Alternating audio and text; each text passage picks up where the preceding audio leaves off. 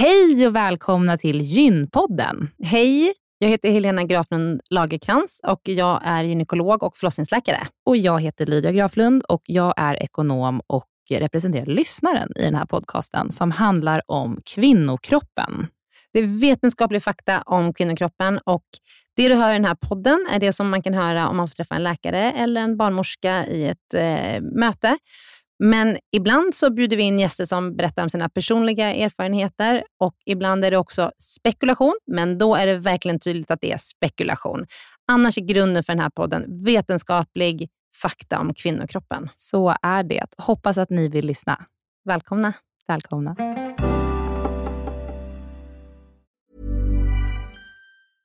Ever catch yourself eating the same flavorless dinner three days in a row? Dreaming of something better? Well, HelloFresh is your guilt-free dream come true, baby. It's me, Gigi Palmer. Let's wake up those taste buds with hot, juicy pecan-crusted chicken or garlic butter shrimp scampi. Mm. Hello Fresh. Stop dreaming of all the delicious possibilities and dig in at HelloFresh.com.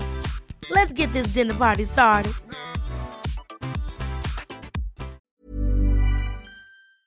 Den här veckans avsnitt av Gynpodden är sponsrad av Ester Care. Och Helena, det är ju det bolaget, vårdbolaget, som du och jag har varit med och startat, där vi erbjuder digitala vårdmöten med specialister inom kvinnovård.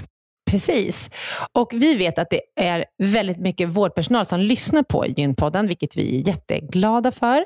Och vi behöver alltid fler gynekologer till SDKR. Så därför vill vi nu göra en shout-out till alla er som lyssnar ute som vill vara med och förändra svensk kvinnovård.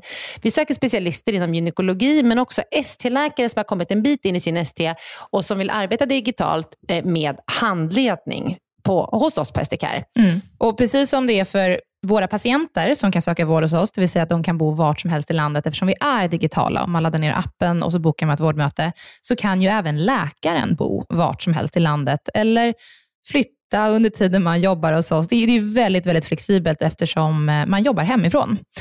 Och Jag tänker att det måste ju också vara helt underbart att som läkare kunna arbeta hemifrån och planera sin egen tid några dagar i veckan. Ja, verkligen. Och samtidigt vara med och förändra kvinnovården med kollegor som är otroligt drivna och engagerade. Det är jätteroligt att jobba på SDKR. Och jag tycker att det här är en häftig grej som vi gör just nu, att vi erbjuder gyn, äh, gynvård i hela landet. Och vilka är de vanligaste patientmötena du tar, Helena? Ja, men det är ju klimakteriet, eh, PMS, eh, mensbesvär. Och det är ju såklart Eh, ärenden och eh, diagnoser som går att hantera digitalt. Men vi remitterar också vidare när det behövs. Mm. Eh, och tar labbprover när det behövs mm. och så vidare. Mm. Så gå in på sdcare.com, klicka på jobba hos oss i menyn för att läsa mer och skicka in en ansökan. Tack så mycket. Tack och välkomna.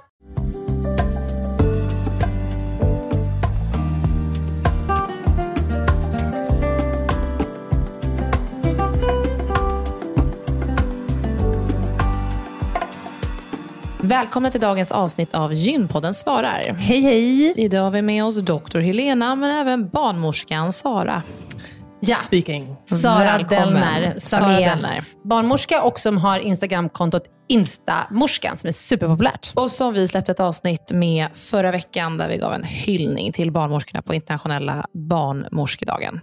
Men dagens fråga som vi ska prata om är vad är hinsvepning och hur fungerar det? Yes. Eh, ska du eller jag börja Sara? Ja, jag kan ju förklara lite kort då. Eh, hinsvepning är ju att vi då med våra fingrar eh, går in och försöker skapa utrymme eh, mellan hinnorna och den nedersta delen av eh, livmodern. Precis. Jag förstår ingenting. Nej, Nej det är jättesvårt jag ska försöka, Då får jag försöka förklara. Ja. Vilken hinna? Eh, man ligger, kvinnan ligger, har tagit av sig sina byxor mm. och sina trosor. Backa bandet. Är hon gravid och ska, ska ligga på förlossningen? Mycket eller? bra Lydia. Alltså, vi måste nog backa ordentligt. Hinsvepning är, är någonting som man gör för att om möjligt kunna starta en förlossning. Ah, okay. ja. Så det är liksom, det här är slutet av graviditeten. det här är nivån. Ja. Okej, okay, vi tar det från början. Nej, men jag tycker det är fantastiskt. Ja, så det är liksom eh, på eh, barnmorskemottagningen hos sin barnmorska, som då skulle kunna vara Sara, mm. eller på förlossningen hos en förlossningsläkare. Som också kan vara Sara, men det kan också vara en läkare som jag.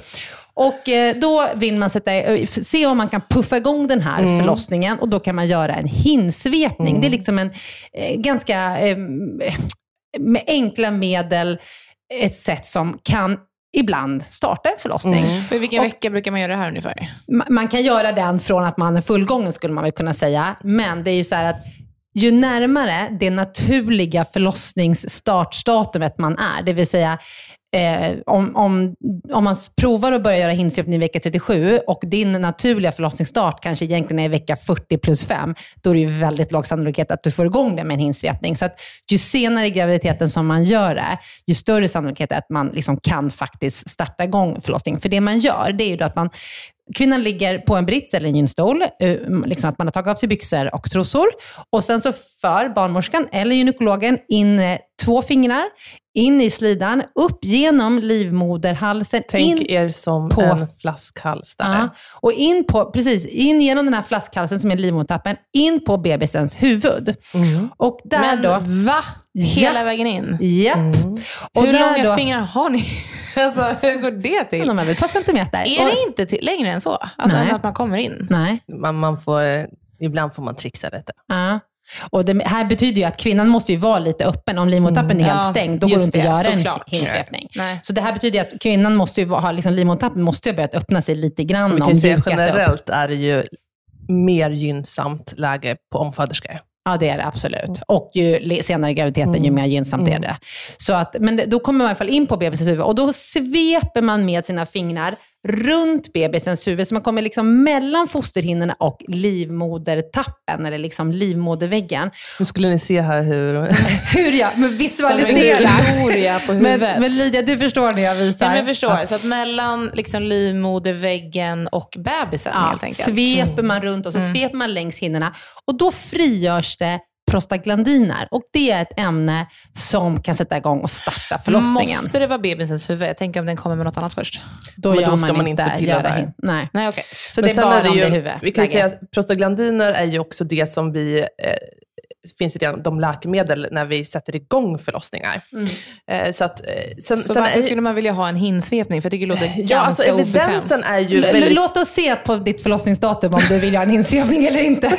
Jag vill ha något medel som sätter igång det. Ja. Eller? nej, Sara men, skulle men, säga. nej, men evidens, det, är där, det är lite det som är kruxet. Att evidensen för att det här verkligen hjälper är ju väldigt tvetydig. Det finns inga tydliga... Och, och det är ju sannolikt också på grund av att vi hinsveper säkert väldigt olika. Ja. Och varje kropp och varje eh, status på livmoderhalsen är unikt. Så att det är väldigt svårt också att, att forska på. Mm.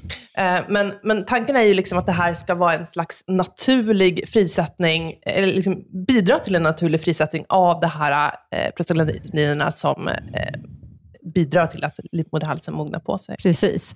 Och eh, vad, nackdelarna kan ju vara att, mm, att kvinnan kan få pinverkar och Ja. få jätteont och så startar ändå inte Det förlossningen. som verkar som, som gör ont, men som inte har någon påverkan på livmoderhalsen. Exakt. Men eh, tillbaka till min fråga där. Var, varför skulle man inte bara ta det här medlet då, istället för att få en hand uppkörd? Nej, men alltså det, så här. En, tar man medel, ja, men då blir det per definition en induktion, det vill säga en, en liksom, Igångsättning. igångsättning av förlossningen. Det här är ju ett slags steg på vägen eh, som har väldigt få biverkningar. Det, dels kan det vara att du blöder, eh, men Mm. det brukar ju oftast sluta eft- efteråt. Mm. Eh, eller att du får de här verkarna då som såklart kan vara besvärande som ehm, Men har, inte du, men har du tur så startar ju förlossningen Precis, och då säger ja. man ju att det är en spontan förlossning och Exakt, inte en och blir det igångsatt ingen Ah, förlossning. okej. Men om jag kommer in i vecka 40 då, till exempel, Mm. och jag vill verkligen eh, Komma igång. igångsatt Mm. nu, för jag vill inte Mm. gå över Mm. tiden för att bebisen blir större och det blir jobbigare. Och jag vet inte. Kan jag liksom begära att få bli igångsatt då? Eller måste man göra en hinsvepning innan? Alltså, du, eh, Eh, att begära att bli igångsatt är ju inte jätte... Liksom, det är inte så att man bara så här, hej, travar in på förlossningen och säger så här, hej nu, för, förlåt, jag är lite trött idag på det här, kan jag få bli igångsatt? Utan det föregås ju av en medicinsk eh, bedömning och eh, liksom, alltså en prioriteringsordning. Liksom att, eh, vi gör ju ibland humanitära in, induktioner, alltså att man sätter igång förlossning för att mamman bara är så trött eller orolig eller rädd eller liksom har ont i ryggen eller så. Då kallas det en humanitär induktion. Men de indikationerna går ju efter de som har en medicinsk anledning, alltså där mamman är sjuk, där bebisen är sjuk, eller någonting som gör att det här är farligt att fortsätta den här graviditeten.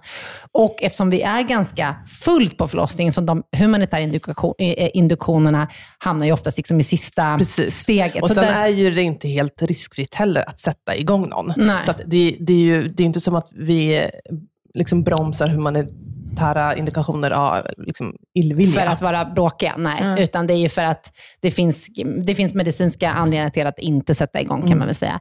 Men en hinsvepning kan liksom göras på barnmorskemottagningen av din barnmorska där. Så det kan liksom, och man kan göra den flera gånger. Alltså, Precis.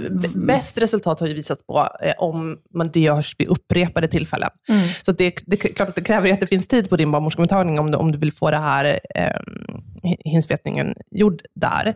Eh, där kan man också ibland samarbeta lite med spessen, alltså det vill säga specialistmödravården och så. Ehm, Men så då gör du den inte där du sen ska föda? Utan det Nej, kommer ta precis. lite mer Utan- tid därefter? Liksom. Utan det här, jag hinsveper ändå relativt ofta eh, på mödravården. Eh, men, men det ska ju alltid vara liksom att, att den gravida själv vill det här. Sen behöver man ha väldigt tydlig information, att, att inte bli rädd eller liksom att veta vad man kan förvänta sig, så att man heller inte överbelastar förlossningsvården eh, med, massa, med, med oro kring efterspelet av en hinsvepning. Mm. Att Men det är man ju tämligen få- man- ofarligt att ja. hinsvepa. Mm, men att man kan få ont menar? Att man liksom Precis. åker in för att man Ja. har ont, men att det egentligen inte Ja. verkar. Nej.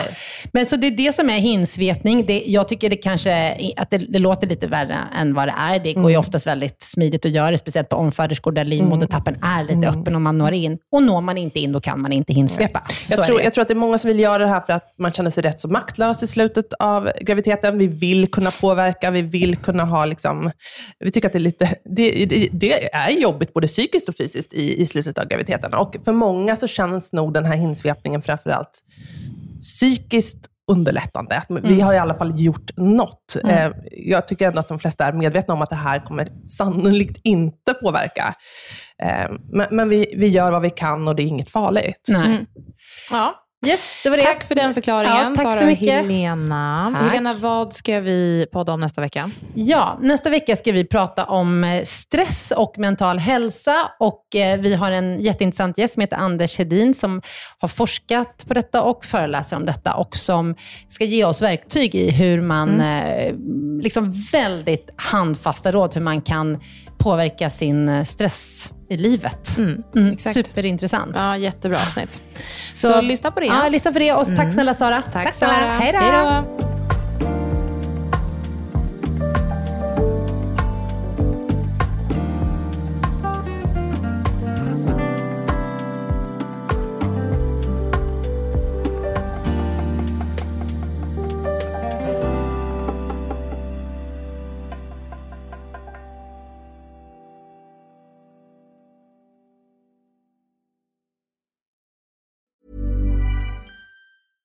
Ever catch yourself eating the same flavorless dinner three days in a row? Dreaming of something better? Well, HelloFresh is your guilt-free dream come true, baby. It's me, Gigi Palmer. Let's wake up those taste buds with hot, juicy pecan-crusted chicken or garlic butter shrimp scampi. Mm. Hello Fresh. Stop dreaming of all the delicious possibilities and dig in at HelloFresh.com. Let's get this dinner party started.